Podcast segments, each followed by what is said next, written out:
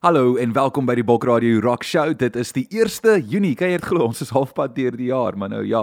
En dit is net as jy regstreeks luister, dan is die 1ste Junie. As jy op die pot gooi luister, baie dankie daarvoor. Waardeer dit. My naam is Karl Frik en dit is tyd vir die Bok Radio Rock Show. Ons het in hierdie program die gewone dinge wat jy kan verwag. Ons gaan aangaan met die die rock and roll tydlyn. So ons begin in 1951 en ons gaan hierdie en afsluit in 1953, 'n paar dinge wat in daai jare gebeur het. En dan teen die einde van die program het ek vir jou die School of Rock waar ek vir jou algemene kennis kennisvraag vra oor rock and roll en vir jou 'n geleentheid gee om saam te gesels weer eens net as jy regstreeks luister op Bok Radio. 07420989 is die WhatsApp lyn nommer Tussenin gaan ons wel gesels oor die beste rock and roll albums. Ek is nogal 'n aanhanger van 'n volledige album luister. Ek dink die die kunstenaars wat dit opneem en die vervaardigers, hulle sit daai liedjies in 'n sekere volgorde, want hulle wil jy hê jy moet luister in daai volgorde. Dis hoekom ek hou van plate byvoorbeeld. Jy sit hom neer en jy luister die album regdeur want dit is so ek dink baie keer dit bedoel is veral as dit kom by 'n konsepalbum. So die beste albums van alle tye in rock and roll lê voor. Hoop jy geniet dit saam met my.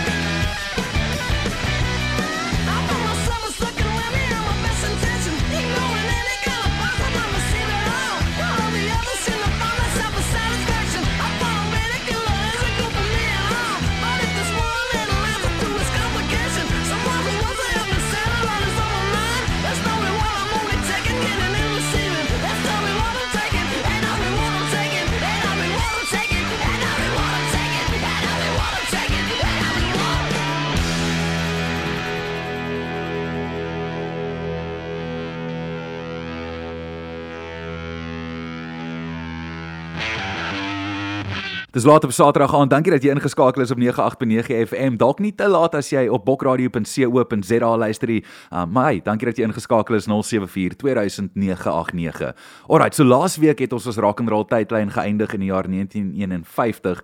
Kom ons gaan kom, kom ons vat dit weer van 1951 af en dit is in Februarie. So in Februarie van 1951 het die Domino's se 60 Minute Man um deurgebreek na die Rhythm and Blues charts toe en dit het vinnig nommer 1 gegaan. So dis die eerste vir rock and roll in die opsig van iets wat verban word op radio. Die lirieke gaan I rock 'em, I roll 'em all night long. I'm a 60 minute man. Toe word dit verban van radiostasies af van die lyrics is 'n bietjie pornografies sê hulle.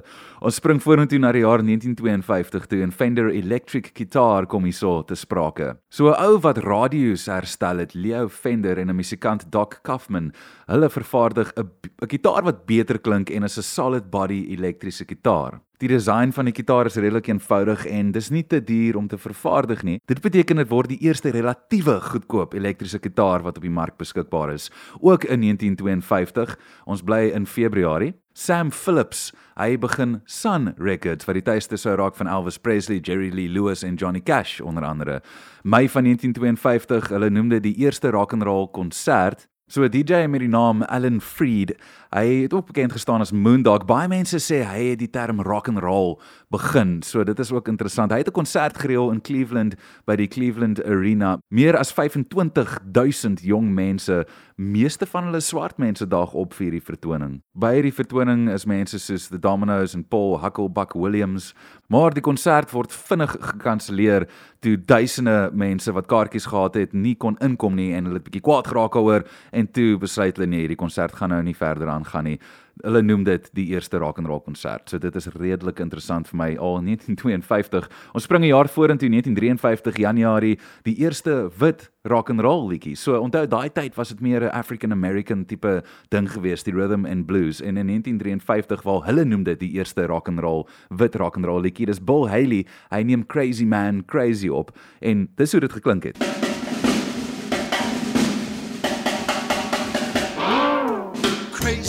Crazy, crazy man, crazy, crazy man, crazy. Oh man, that music's gone, gone. I Said crazy man, crazy, crazy man, crazy, crazy man, crazy. Oh man, that music's gone, gone. When I go out and I want a treat,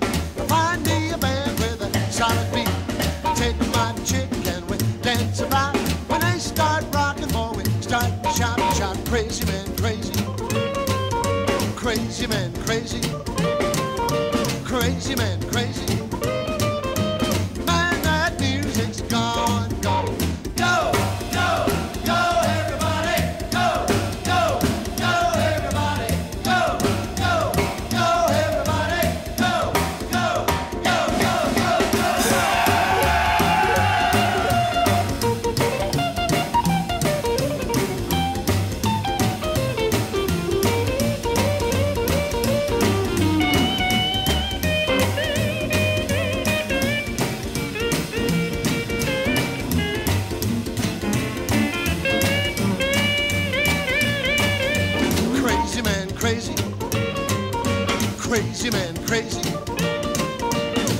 Crazy man, crazy.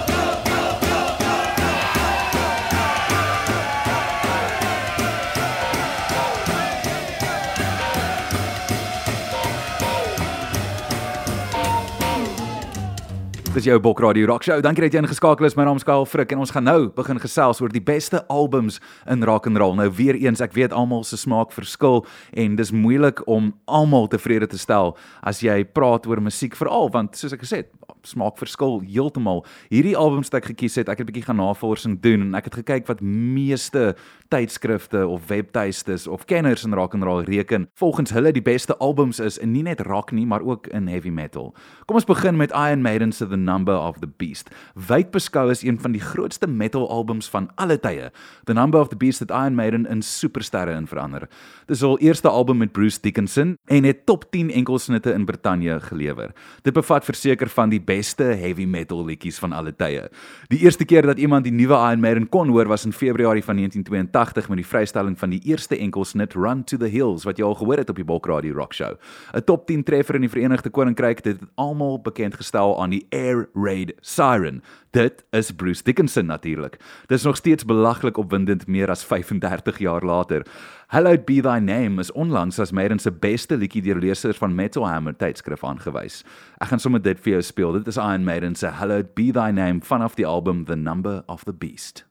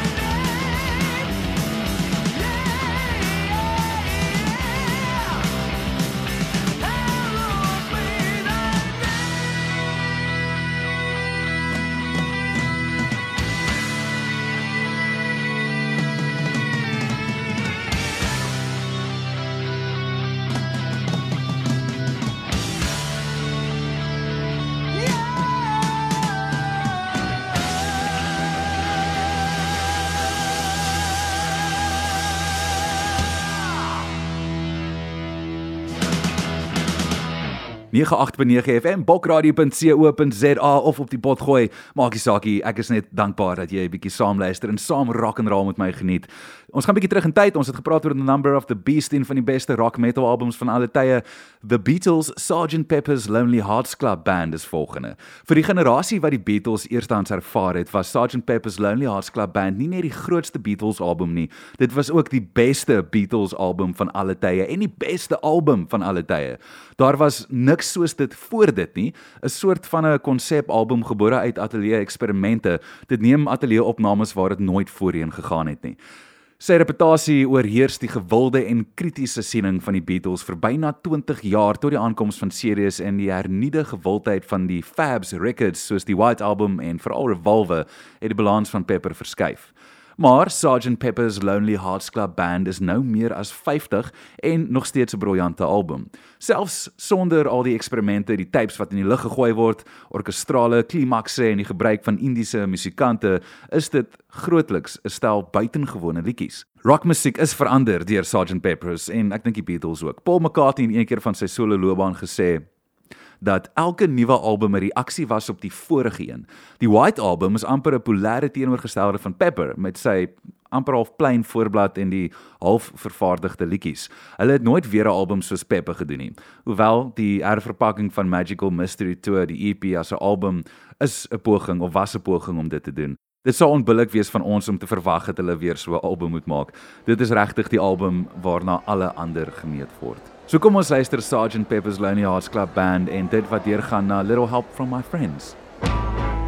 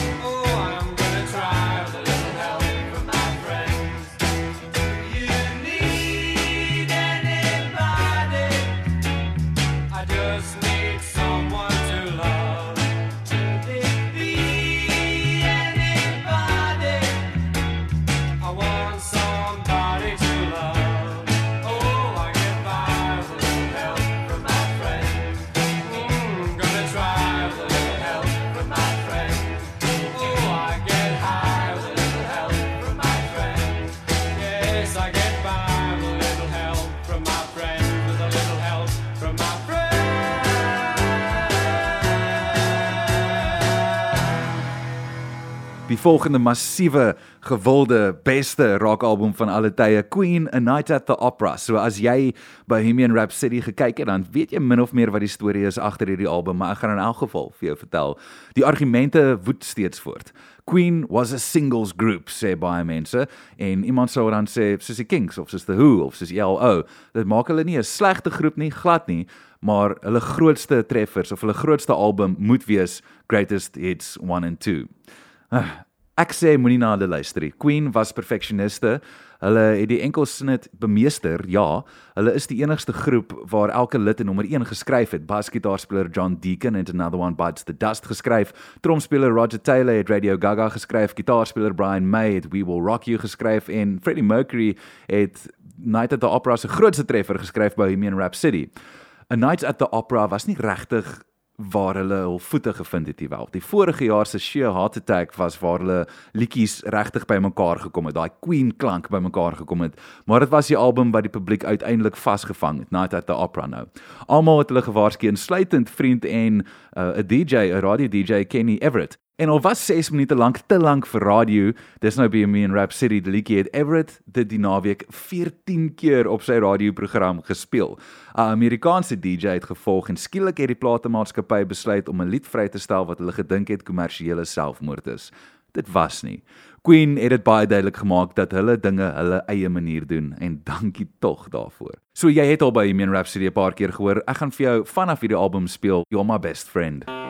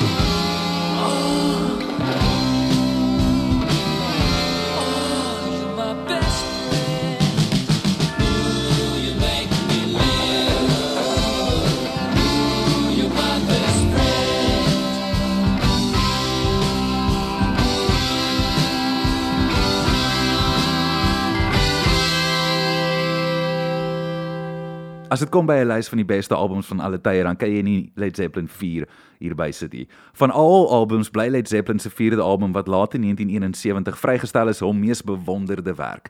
Van Page se riffs, Jones se musikale uitvindings en Plant se sterk stem tot die massiewe John Bonham tromklank.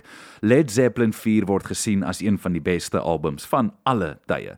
Black Dog is al op rock and roll, dis waar Bonham met sy aangedrewe brutaliteit op hy tromme slaan, Plant se verheugde aanskoulike Sandy Denny aangevulde stem op The Battle of Evermore, Stairway to Heaven se dinamika en dis net die een kant van die plaat.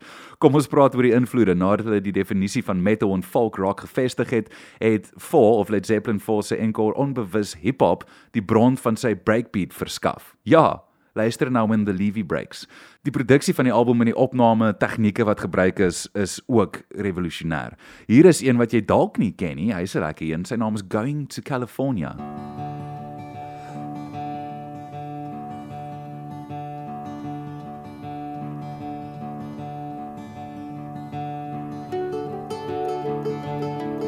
Spend my days with a woman unkind. Smoke my stuff and drink all my wine.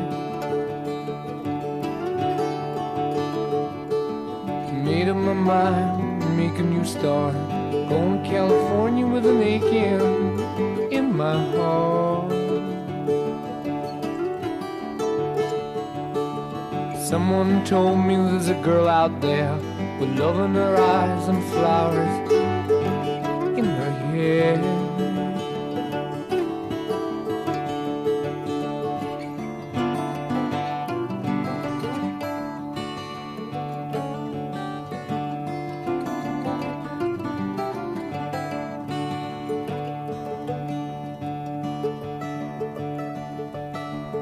my chances on a big jet plane. Never let them tell you that we're all the same.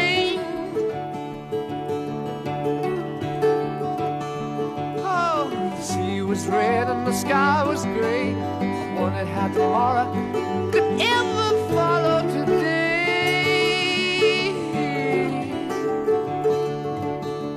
Mountains and the canyons start to tremble and shake. The children of the sun begin to wake. Watch out. It seems that the wrath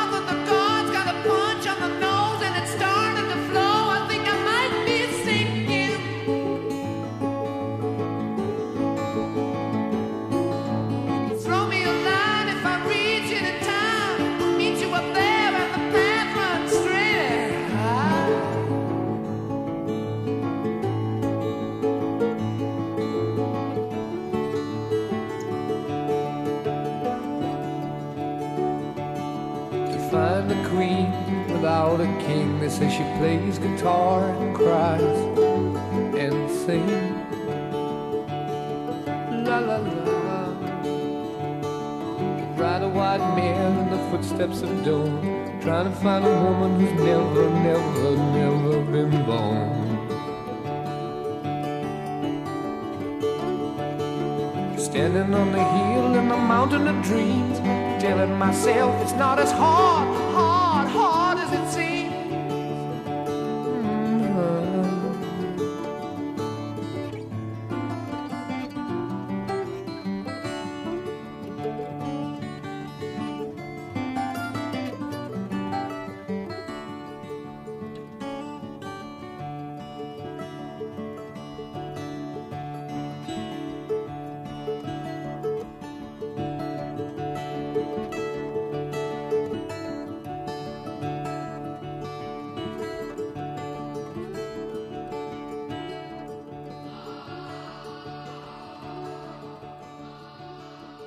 Bok Radio Rock Show. My naam is Kyle Frik. Onthou jy kan regdeur saamgesels as jy nou live luister 07420989.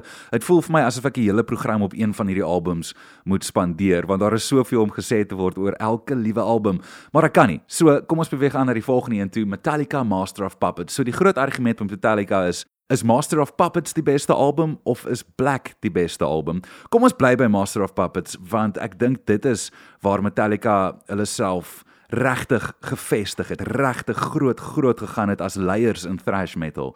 So dis die swaarste album op die lys, dit kan ek vir jou sê. Um en dit het Metallica een van die belangrikste groepe van hul genre en van hul generasie gemaak. Die derde Metallica album Master of Puppets word terselfdertyd beskou as 'n metal classic en die groep se beste werk ooit. Dit was ook die laaste album waarop Cliff Burton verskyn het. Dis belangrik om te weet hoe belangrik hierdie album nie net vir Metallica was nie, maar vir die, vir metal in algemeen. Mark Tremonti, hy het gesê when I heard the opening bars of Battery, it completely blew my mind. The whole album made me a believer. I liked that it was heavy and brutal at some points, but that it was so beautiful at others. And I loved the way they had the finger picked, clean, classical influenced versions and then beat you over the head with the electric guitar in the chorus. It was like a heavy metal concerto, almost as if Bach had come down and assisted a metal band in writing an incredible album. Dis 'n massiewe kompliment van een van die wêreld se beste gitaarspelers daai. So hier is een van die rustiger liedjies op die album. Um, wel hy begin rustig. Hy bly nie rustig nie. Hy is nog steeds fantasties. Sy naam is Welcome Home Sanitarium.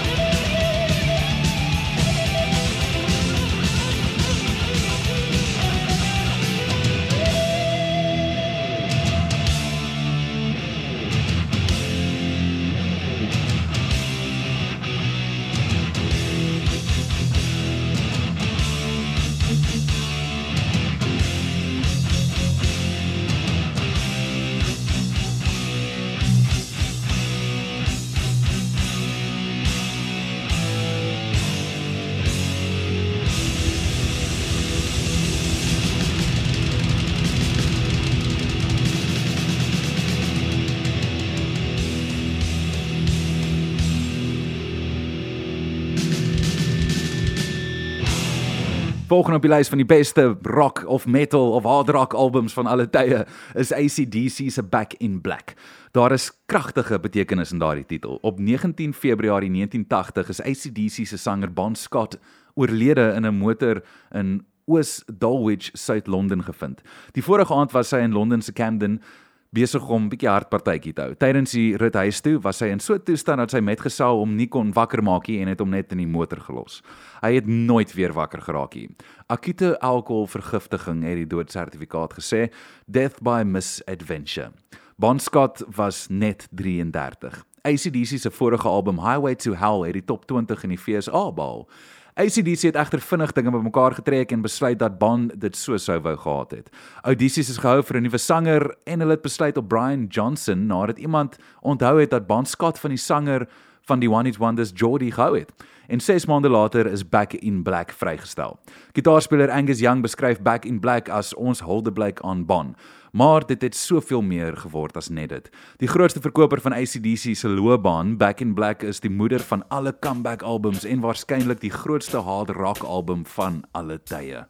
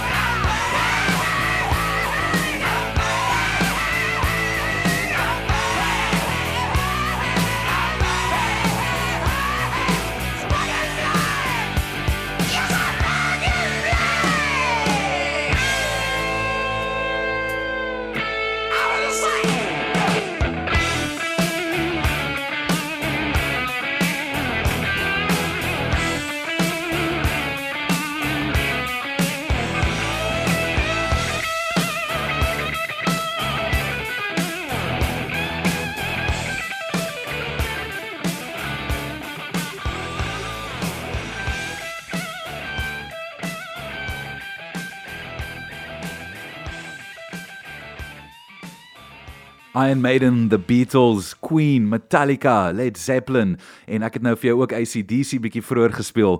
Um 'n klomp goeie musiek vir jou en dit is die beste albums van alle tye in rock and roll. Volgende Guns N' Roses se Appetite for Destruction.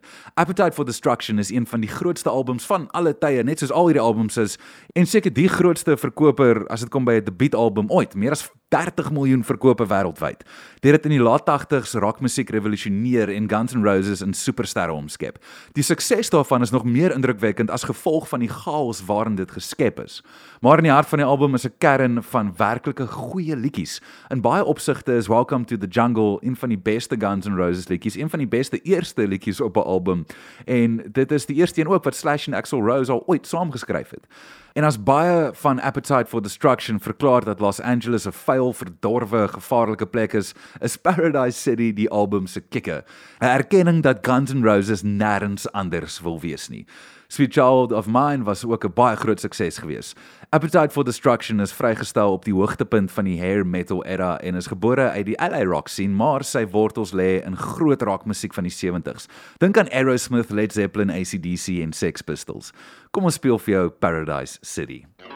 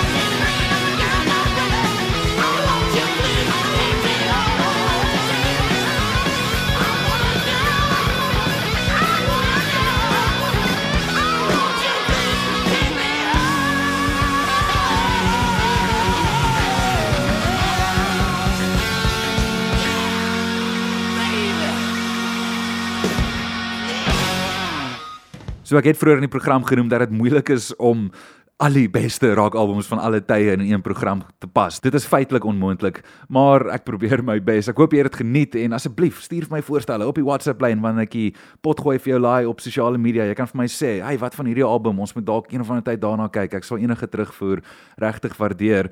Die laaste album waarna ons gaan kyk is Pink Floyd se Dark Side of the Moon.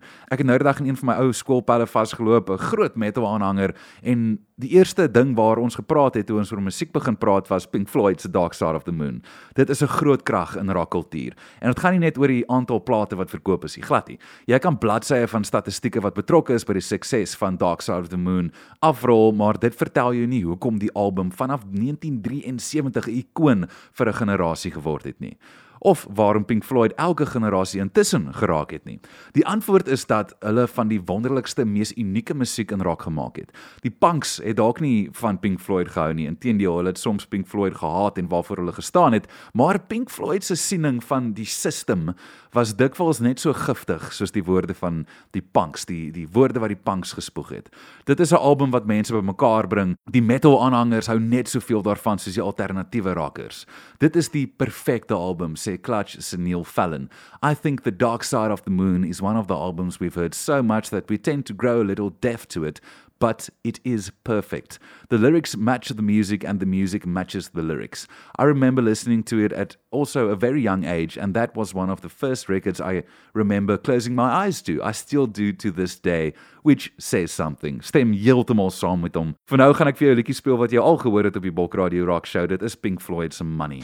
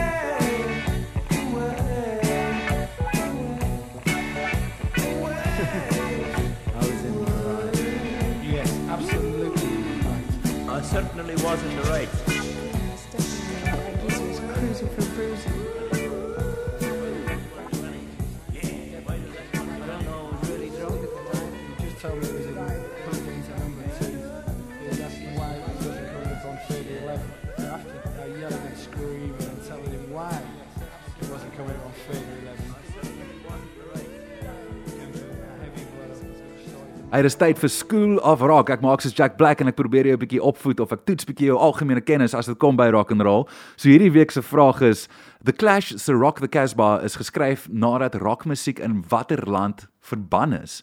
Kyk of jy vir my daai land kan stuur, die naam van die land. The Clash se Rock the Casbah is geskryf nadat rockmusiek in watter land verban is. Moenie Google nie, kyk of jy hierdie een self kan uitwerk. Ek speel vir jou in die tussentyd musiek van The Ramones, een van my gunstelinge van hulle, My Brain is Hanging Upside Down.